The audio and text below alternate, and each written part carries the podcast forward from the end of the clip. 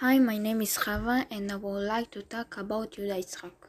Yehuda Yitzhak was a combat fighter in Operation Tzuk Eitan, where Captain Hadar Goldin was abducted into tunnel.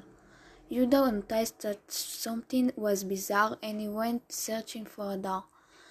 During the rescue attempts, expl- explosives began to explode around Yehuda's crew. He was fatally wounded by a shrapnel wound to his head. Yehuda is now 30 years old, been undergoing rehabilitation for seven years, and there is still a long way to go.